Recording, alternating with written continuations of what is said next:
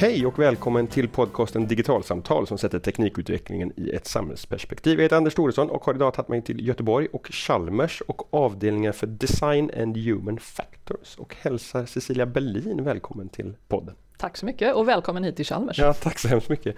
Du är, eh, för att förenkla det, forskare och lärare här på avdelningen för Design and Human Factors och tittar på ergonomi mm. aspekter i, i hur vi använder teknik. Ja, det stämmer. Eh, men jag tänker att vi får börja, vi får bena i det här lite grann innan vi kommer in på hur kopplingen till digitalisering är. Först Design Human Factors, vad, vad, vad handlar den här avdelningen om? Alltså när man kommer ut ur hissen till vår avdelning så finns en stor banderoll på väggen där det står “Make every design meaningful”. Och det här är lite knäckfrågan för oss, att vi tittar på världen, eh, det vill säga designade produkter, eh, offentliga miljöer, olika typer av arbetsplatser, arbetsredskap, allt möjligt tittar vi på med utgångspunkt i hur kan det här funka så bra som möjligt för en människa att interagera med så man får ut det man vill av sin eh, omgivning som är full av teknik och produkter och hjälpmedel och sånt. Och att den interaktionen ska bli meningsfull. Att man på något sätt inte bara funktionellt blir eh, mer effektiv eller produktiv för det man gör, men nu även att man vill fortsätta förlita sig på tekniken och kunna använda den väl. Och att till slut kanske förverkliga någon, något högre mål, att man liksom verkar med tekniken i sin omgivning för att åstadkomma något större. Så meningsfull i, i, i märkelsen vad, vad, slutresultatet blir när jag använder den här produkten eller tjänsten? Eller? Dels det, men även att ibland sker ju så himla mycket dumma slöserier av tid och energi och så vidare på att man har dåligt designade produkter, tjänster med mera. Och vi vill ju dels göra den där världen där saker är så väl designade som möjligt så att interaktionen blir vettig, meningsfull och eh, nyttig. Men samtidigt också komma åt det här, hur blir det fel? Hur har man missat att tänka så att man hamnar i de här träsken av åh, den gör inte som jag tror att den ska göra, nu blir jag orolig att jag gör fel, aj, aj, aj, nu måste jag hitta på en handpåläggning. Eh, alla de där interaktionerna som troligen många har varit med om i sitt dagliga liv, att varför gör den inte som jag vill att den ska göra? Mm. Hur, hur kommer det här sig att det här är frågor som man på en teknisk högskola behöver fundera på? Det här är ju jätteviktigt. Vi har ett abnormt stort ansvar som ingenjörer att Eh, vi, vi som ändå fått eh, förtroendet och uppdraget att bygga världen, eller liksom bygga den tekniska människoskapade världen för att vi ska kunna så att säga förlänga våra förmågor och göra saker mer effektiva och existera som samhälle. Om inte vi fattar att saker måste funka bra ihop med mänskliga användare, då gör vi ju bara en massa skitprylar, ärligt talat, och skitsystem. Så eh, man kan ju titta på vägnät och trafik som inte funkar, man kan titta på arbetsredskap och saker som är tunga eller otympliga och jobba med system som är svåra att förstå. Alla de där situationerna betyder ju att man kanske har snävat ner utvecklingsbilden till att åh, vi ska göra den här fantastiska funktionen och det blir enklast om vi bygger den i grå plast i allting så man bara trycker på rätt knapp om man är smart nog. Det är ju lite sådana mm. system som gör att vi fastnar i frustrationsfällor och då blir man ju motvillig till att medverka i samhället mm. om man ska jättesnabbt eh, dra den mest eh, dramatiska slutsatsen. Mm. Mm. Men inom, eller under det här paraplyet som, som ni spänner över, mm funkar den metaforen? Ja, vi, vi kör på den. Mm. Eh, på, på design human factor. Så, så ditt, din nisch handlar om ergonomi?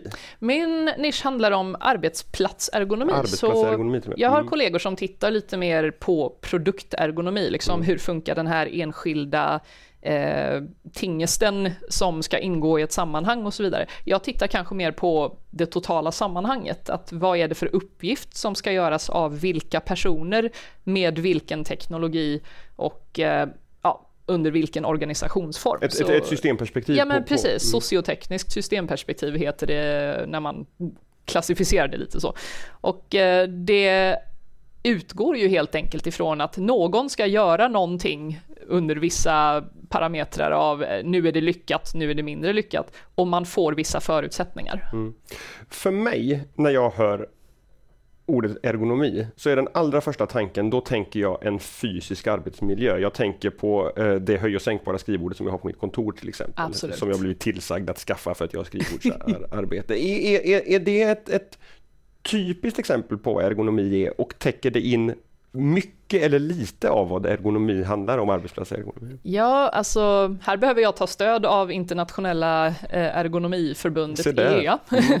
Eh, det var ju nämligen så att eh, ergonomins omfattning har ju växt och växt och växt. Okay. Man brukar prata om att från början var det väldigt mycket fysiskt, liksom hur stor kan en människa vara för att sitta i den här stolen och till slut kommer man fram till det är ju stolen vi kan ändra på och inte användaren. Mm. Och är det tungt, håller man på länge, är det stora krafter? Självklart en del av ergonomi.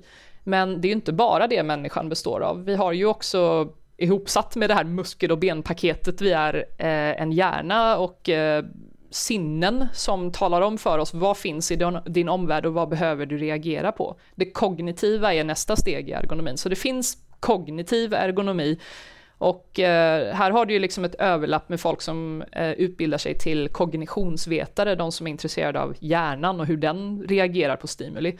Det ingår också under ergonomiparaplyet. Och sen så finns en tredje stor koloss och det är makroergonomi och det betyder att man inte bara tittar på varje individuell människa mm. och hur de funkar som, som djur i stort sett, utan man tittar på hur kollektivet organiserar sig för att göra saker. Så ehm, Eh, internationella ergonomiförbundet, eh, International Ergonomics Association, de bestämde ju till slut att det hela handlar om att ha ett systemperspektiv och att titta på eh, mänskligt välmående parallellt med att systemet presterar det det ska göra så väl som möjligt. Så det låter kanske väldigt abstrakt, men det betyder att då måste du bry dig om hjärnan och eh, kroppen och organisationen. Mm. Det är totaliteten av ergonomi så som den yrkeskåren pratar om det mm. idag. Mm. Okay. Var kommer digitaliseringen in i det här? Hur, hur, hur blir digitalisering en, en fråga om ergonomi? Mm. Ja, här märker man ju då att då räcker det ju inte med att tänka ergonomi är fysisk belastning. Nej. Det är alldeles, alldeles för snävt. Mm, och um, om man tänker arbetsmiljö som vi definierar det i Sverige, den, det tenderar ju i sig till att bli, åh, vad har vi för kemikalier, vad har vi för belysning, buller, klimat, ljud, ljus och så vidare.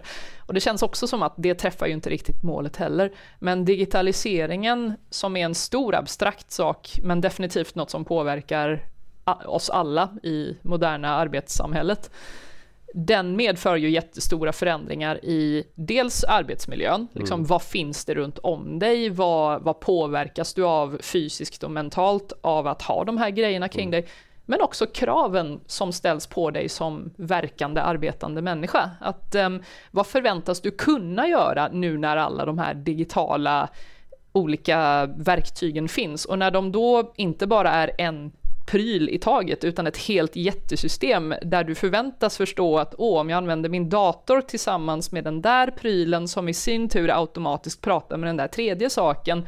Du förväntas ju på något sätt förstå konsekvenserna av allt du skulle kunna göra med det där. Och då blir det ju plötsligt en fråga om organisationsergonomi, det vill säga förväntas du göra vissa saker, kommuniceras det till dig på ett eh, tillräckligt bra sätt och kan du sen leverera det? Och om du kan leverera det beror ju på om din kropp och din hjärna hänger med, kan man säga. Jag får testa att formulera det här med mina ord, får vi se ifall, ifall jag hänger med. Det, det, det, du, om jag förstår det rätt, så det, du säger är att, att med digitaliseringen, mm. eh, och här pratar vi om uppkopplade prylar, om IT-system som, som jag som människa ska jobba med och som pratar med varandra, eh, mobilitet kanske, eh, så, så förändras sättet som vi utför våra arbetsuppgifter på. Oh ja. Väldigt mycket. Mm. Och, och det i sig eh, blir då en ergonomifråga. Därför att jag som, som arbetare i den här föränderliga miljön ska, ska må bra och orka med och hänga med i, i, i det hela. Ja, och vet du vad som förändrats i den vevan? Det är ju förväntningarna på dig. Mm. Men sen om de förväntningarna inte har kommunicerats eller att man har förstått att oj, nu kan jag göra mycket mer, då är det inte säkert att man ändrar sitt beteende bara för att digitaliseringen magiskt dök upp lite sådär. Och det är ju inte sant att säga att den magiskt dyker upp heller. Den, den kommer ju liksom en grej i taget som börjar prata med en annan grej och sen kanske det kommer en jätte eh, investering från organisationen man befinner sig i. Nu ska alla jobba med det här. Och eh, då kanske det blir en smula överväldigande rent eh, kognitivt att ta in allt eh, det där som att oj, den här floran av eh, saker som interagerar med varandra och påverkar varandra. Var finns jag Mm. i det här systemet? Mm. Och det är ju väldigt jobbigt att bli lämnad eh, ensamt ansvarig för att förstå sin egen plats i den där floran av grejer. Mm. Så eh, jag tycker att det finns en stor kraft i digitaliserings eh, ekosystem, om vi nu ska dra till med det. För man måste ju existera i det på något sätt för att ja, tjäna sitt levebröd. Ehm, men om man inte kan hitta sin plats och inte kan orientera sig, då är det ju ganska troligt att man ser den som ett hot eller ett hinder för hur man alltid har lyckats göra det man gjorde innan. Mm. Men, men här, här börjar jag då fundera på eh, Jag åker ibland runt och föreläser och hjälper företagspersonal att, att börja jobba med e-post på ett Mm. bättre sätt. Ja. Eh, och där kan jag ju å ena sidan ibland reflektera över ja, men det faktum att, att det 2019 fortfarande finns ett behov utav att lära sig hur, hur, ska, hur ska jag hantera en, en växande inkorg och vad- hur ska jag förhålla mig till den och vilka verktyg kan jag använda och så vidare. ja. Och att, att då, då, då tänker jag att ett sånt enkelt verktyg som, som e-post, det, det har, liksom, har vi bara förväntats kunna använda som ett arbetsverktyg. Det är ingen som, som egentligen har liksom resonerat med oss kring hur ska vi göra det här? Det här är ju jättespännande från perspektivet att alla våra symboler för e-post är ju vanliga kuvert. Ja. Liksom att man, man förstår var e-postfunktionen ligger genom att du letar efter symbolen på ett kuvert. Mm. Och någonstans kommer det där ju ifrån en tidigare kommunikationskultur att så snart något är skrivet, då är det inte säkert att du får tag på det förrän det förflutit lite tid, du läser det när du har tid, du kanske författar ett genomtänkt svar. Så är det ju inte vi håller på med e-post idag. Mm. Jag skulle säga att för egen del måste jag för att fungera ignorera 60% av vad som ramlar in i min inkorg, för mycket av det är bara att tekniken har gjort det möjligt att spamma väldigt många som har min yrkeskårs tillhörighet.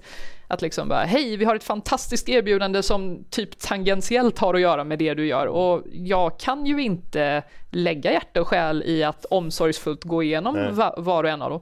Så den här snabba teknikutvecklingen gör att det är både lätt att göra helt fantastiska saker när man kan koncentrera eh, sina insatser på något, men det är också sjukt enkelt att missköta Mm. den här sup- eh, superkraften vi fått. Att eh, distrahera andra, Mm. helt enkelt. Men, men, men för den enskilda medarbetaren då, eh, be, behöver man har man anledning att förvänta sig att, att arbetsgivaren både ska lära mig att använda de enskilda verktygen så bra som möjligt och förstå det. Men också ur ett systemperspektiv. Liksom hur, vad, vad är helheten? Vad är det vår verksamhet egentligen längre håller på med? Och vilka kopplingar och omvärldsrelationer och så vidare har vi? Att det låter som att den förståelsen för, för helheten är, är, är viktig för en arbetsplatsergonomi. Det här är ju en jätteutmaning för ledare i största allmänhet. Att eh, de måste ju själva ha något sorts hum om vad är det vi ska hålla på med. Och ibland kan ju det vara lite mot strömmen eller att eh, säga en serviceorganisation som kanske alltid haft som paroll att vad det än gäller så ställer vi upp med eh, service-mindedness och eh, bemöter allt vi får. Eh, det blir ju väldigt svårt för en sån organisation att kanske bestämma sig på en, eh, vända på en 50-öring höll jag på att säga, det är ett väldigt gammalt uttryck nu. Ehm, och säga att nu ska vi skita i 60% av vad som kommer in här och bara koncentrera oss på det som är värdeadderande. Och det är ju, för en ledare måste man ju på något sätt få upp nosen över ytan och förstå vad är det vi alltid hållit på med som på något sätt kan vara något vi håller kvar med med våra beteenden och våra inövade oreflekterade handlingar samtidigt som vad är det vi bör göra istället nu när vi har både möjligheterna och kanske även eh, svagheten i att kunna göra för mycket om du förstår vad jag menar. Mm. Så eh, det är väl lite att eh, det är, en, det är en balans mellan att bli överväldigad och att fokusera så mycket som möjligt. Men jag, jag tänker att digitalisering, som du antydde någonstans här i, i ditt resonemang, eh, kan ju vara väldigt mycket. Mm, ja. Extremt mycket. Och, och det, det, är ju lätt att se att, att det både kan orsaka problem men också kan vara en lösning, alltså att man kan med smart, smart digitalisering kan, kan bygga bort ergonomiproblem som finns i en organisation. Mm. Hur, hur, hur, om man vill vara en ansvarstagande arbetsgivare, hur, hur, ska man liksom kring det som du forskar, hur ska man tänka då för att göra det här så bra som möjligt? Jag brukar jobba under parollen att ingen av oss fick någonsin en grundkurs i hur vår kropp funkar. Jag menar, de flesta av oss gick kanske i gymnastik under grundskolan, många av oss fick kanske hemekonomi eller grundläggande matlagning. Men vem har fått veta hur en led funkar, hur mm. en muskel mår som bäst, hur, liksom, hur mycket du kan belasta dig, hur, hur länge du kan stå på en dag. Jag tycker att om man tänker sig att man kan bygga bort mycket fysiska belastningsproblem med digitalisering, då vill jag ställa motfrågan, hur vet man att man gjort det om man inte kunde något från kroppen, om kroppen från början? Så det är ju lite en ödmjukhetsfråga att om man säger sig att, eller om man intalar sig själv, nu ska jag bygga bort problemen, då måste man ju på något sätt ha tillräckligt med förståelse för vad är det som orsakar problemen och sen vad är det som är tillräckligt kvitto för att jag ska veta att nu löste jag faktiskt det problemet. Mm. Och det finns ju en hel myriad av intressanta belastningsproblem som kommer av digitalisering. Om du bestämmer att någon ska sluta jobba med permar och papper som är ett hyllsystem som de går fram och tillbaka till och istället gör så att de jobbar från en databas där de kan stå stilla vid sin skärm hela dagen då är frågan lite grann, okej, okay, vad är problemet med stillastående? Mm. Vad är problemet med stillasittande? Vad är problemet med skärmbelysning mot ögonen? Vad är problemet med böjd nacke hur mm. länge som helst? Där man tänker att man har byggt bort problemet att, att behöva hantera tunga permar men, men, men skaffat sig en uppsjö andra problem istället. Det kanske är att uh, förenkla det lite jo, väl men, mycket. Det, mm. Men det jag vill åt är att varje ändring i en arbetsförutsättning uh, behöver ju en ny riskbedömning. Det är mm. inte så att bara för att de problemen försvann så försvann hela din kropp och alla problem den skulle kunna få, mm. utan du är ju fortfarande en fysisk människa som ska göra något annat en stund istället.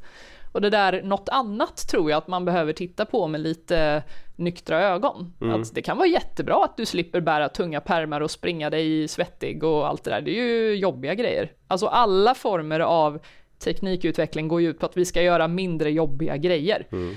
Men samtidigt blir det också att när vi ser att åh, men då kan jag göra jättemycket av den här enda grejen som inte verkar särskilt belastande. Det är ju en annan sorts belastning. Mm.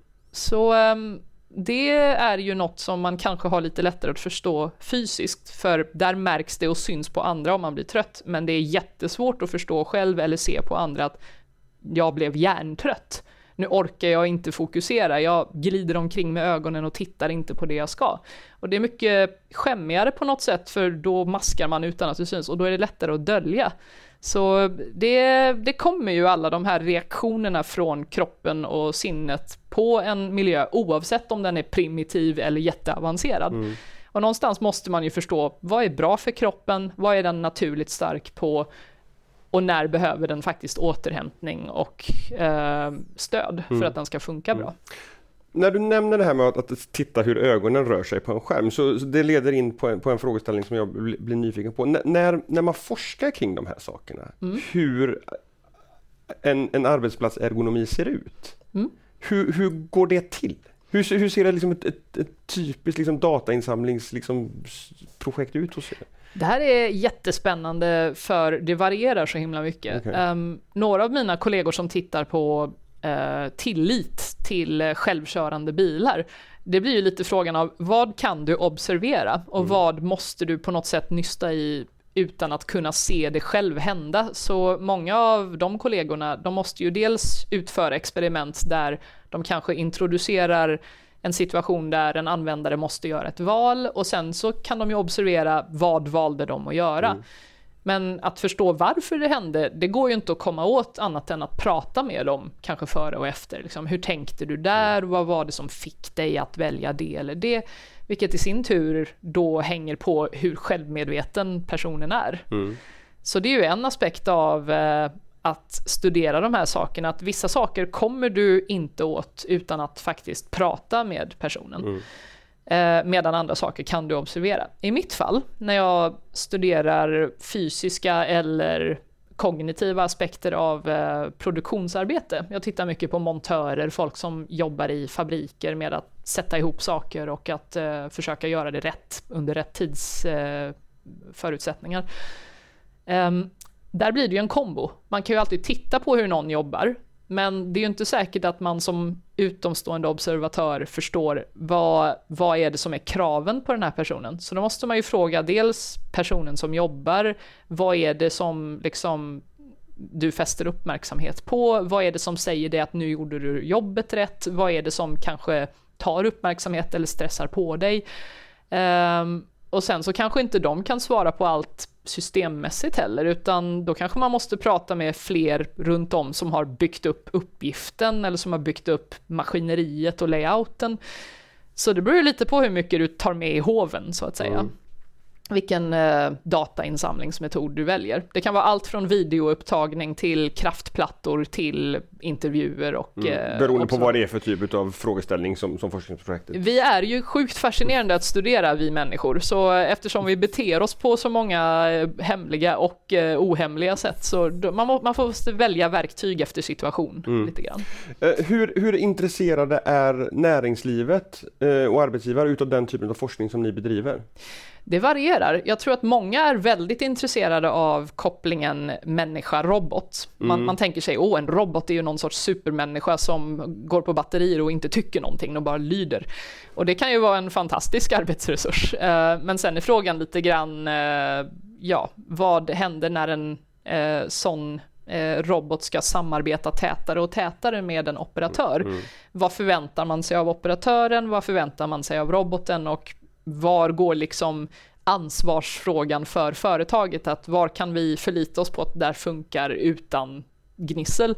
Eller var måste vi ha säkerhetsföreskrifter och eh, vad heter det, tidsbegränsningar för att inte skada operatören? Och, eh, det är så mycket man inte vet, man hoppas på. Mm. Och den här eh, eh vad heter det, framtidstron till tekniken, jag tror ju på den själv, jag är ju ingenjör i botten, men samtidigt så är det ju lite att man kan ju man kan ju göra så mycket teknikbaserade misstag genom att glömma människan och att hennes eh, fysiska och kognitiva förmågor förblir densamma. Har du någon teori eller om varför det är så?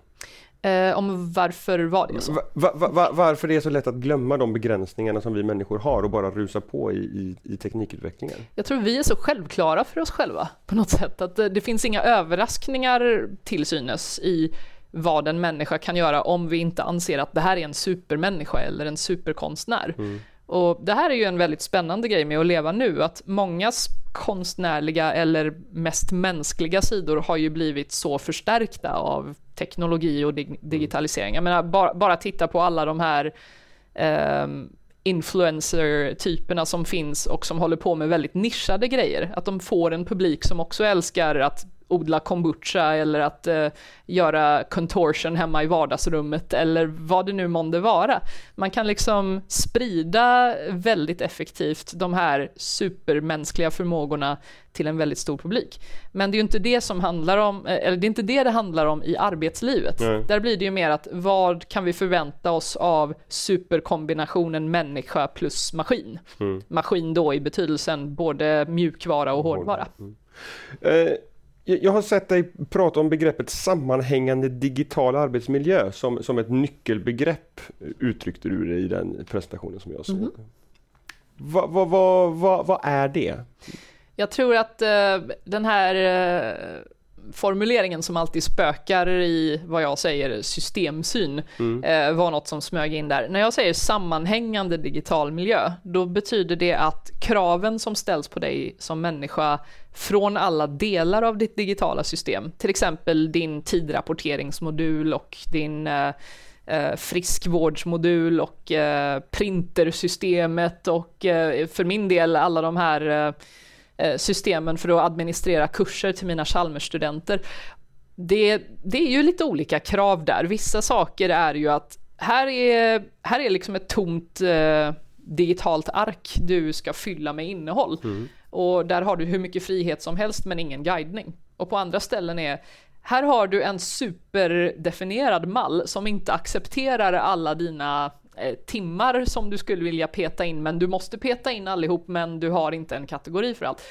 Det går att lägga fruktansvärt mycket energi på att lära känna vart och ett av de systemen. Så jag skulle säga att sammanhängande digital miljö kanske betyder att du känner att du klarar alla kraven från allihop. Och det är liksom vettigt för dig att lägga tiden på att använda dem för du förstår slutändamålet som är att okej, okay, det här blir enklare för min chef att se att jag gör det jag ska eller det blir lättare för centrala ekonomiavdelningen att förstå att jag ska ha pengar för den där mm. utläggsutgiften och så vidare. Men är det osammanhängande och kraven krockar, det vill säga att eh, man kanske får ett system som vill att du ska lägga resurser på en sak, men det kannibaliserar på ett annat system.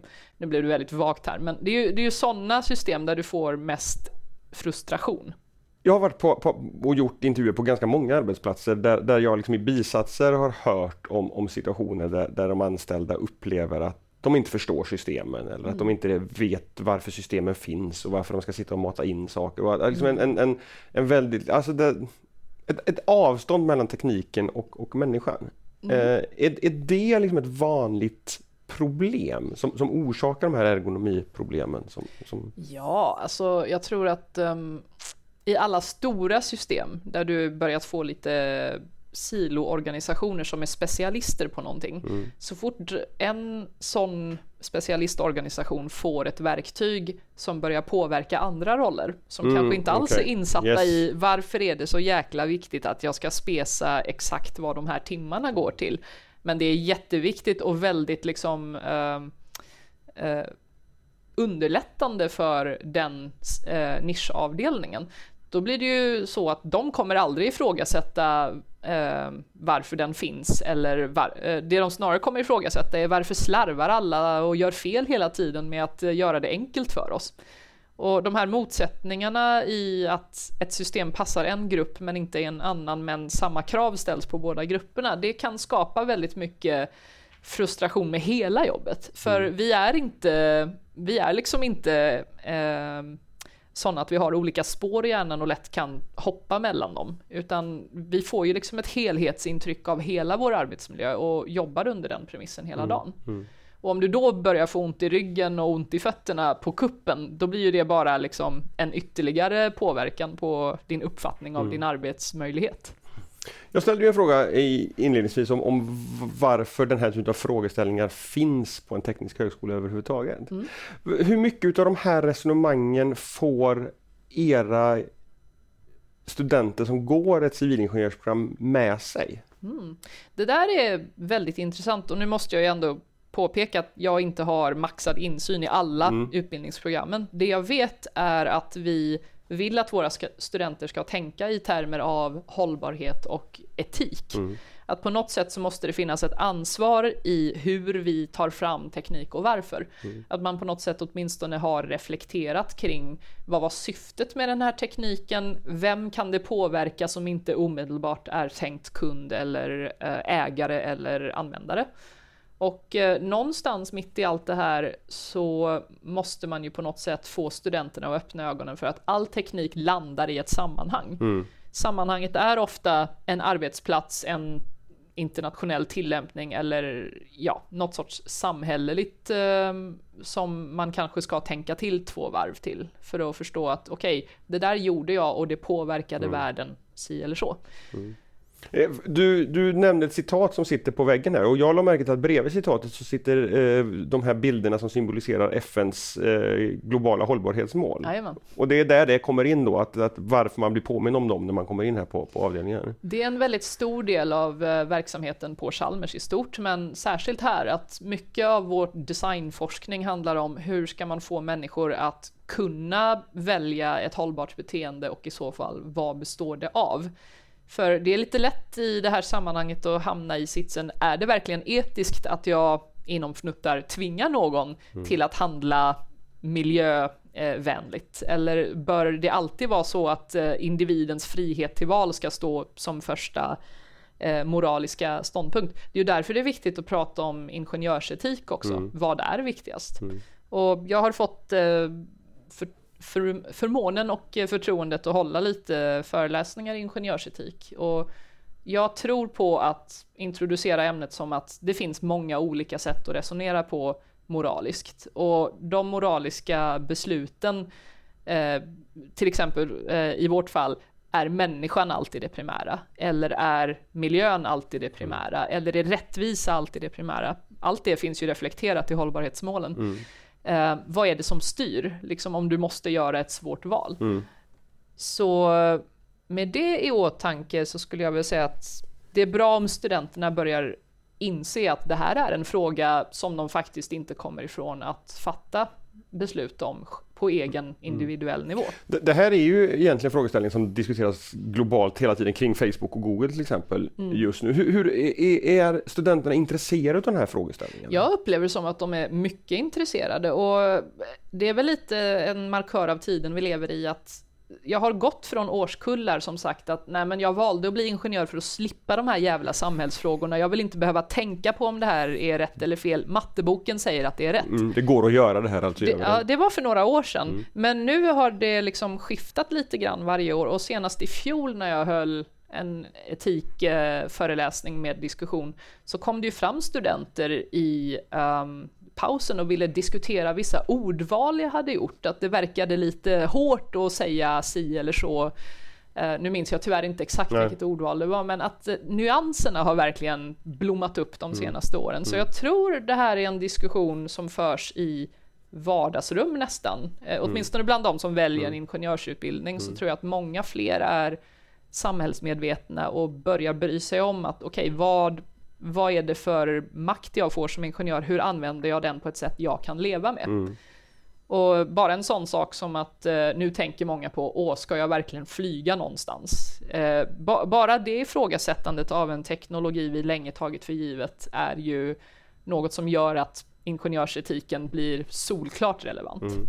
Jag ska avsluta med att be dig spå lite i framtiden. Finns, finns någon möjlighet tror du att vi kommer komma ikapp teknikutveckling och hitta en balans mellan teknikutveckling och arbetsplatsergonomi där vi faktiskt får människovänliga arbetsplatser? Det är så intressant att säga ikapp för det, det betyder ju på något sätt att vi tappat kontrollen. Mm. Ehm, jag skulle vilja säga att vi måste bli kloka på vad det är vi vill göra med dels våra egna mänskliga förmågor och begränsningar. För när vi har en begränsning vill vi ju gärna klicka dit en liten modul, en teknisk grej som tar hand om den svagheten eller begränsningen. Och det händer ju i större utsträckning nu. Men samtidigt finns det ju också det här med hur mycket vill man överlåta till maskinerna att sköta så att det aldrig mer ska behöva vara något vi behöver befatta oss med. Mm. Och här kan man ju verkligen sia och spåna om det här med machine learning och mm. hur mycket tänker du lita på att datorn gör en helt eh, ofärgad bedömning av ditt cancertillstånd mm. till exempel. Den kanske blir väldigt duktig på det så till den grad att vi bara instrumentet har talat, mm. nu litar vi på det. Mm. Eh, och samtidigt kan man ju dra den här parallellen ur serien Tjernobyl som jag har hört eh, återges mycket med. Eh, ja, det står på mätaren att vi har slagit i taket så vi har 3,6. Mm. Eh, nu minns jag inte riktigt sammanhanget för jag har inte sett serien själv, men att man, eh, att man på något sätt förlitar sig på gränsvärdet i våra mänskligt skapade instrument, mm. men kanske bör ana att vi var inte framme, det var inte moget än. Mm. Nej, men för, att, för att svara på frågan, eh, vi bör se möjligheterna i teknik och förstå vad är, vad är det för något bra vi redan gör, vi kan göra ytterligare lite bättre, men även förstå att eh, någonstans så eh, räddar inte tekniken mig från att jag behöver återhämtning och vila. Ja, Cecilia, stort tack för att du var med och diskuterade det här digitalsamtal. Mm, tack så mycket, kul att vara med. Och till er som har lyssnat, vi hörs igen nästa onsdag för ett nytt avsnitt. På återhörande då, hej så länge.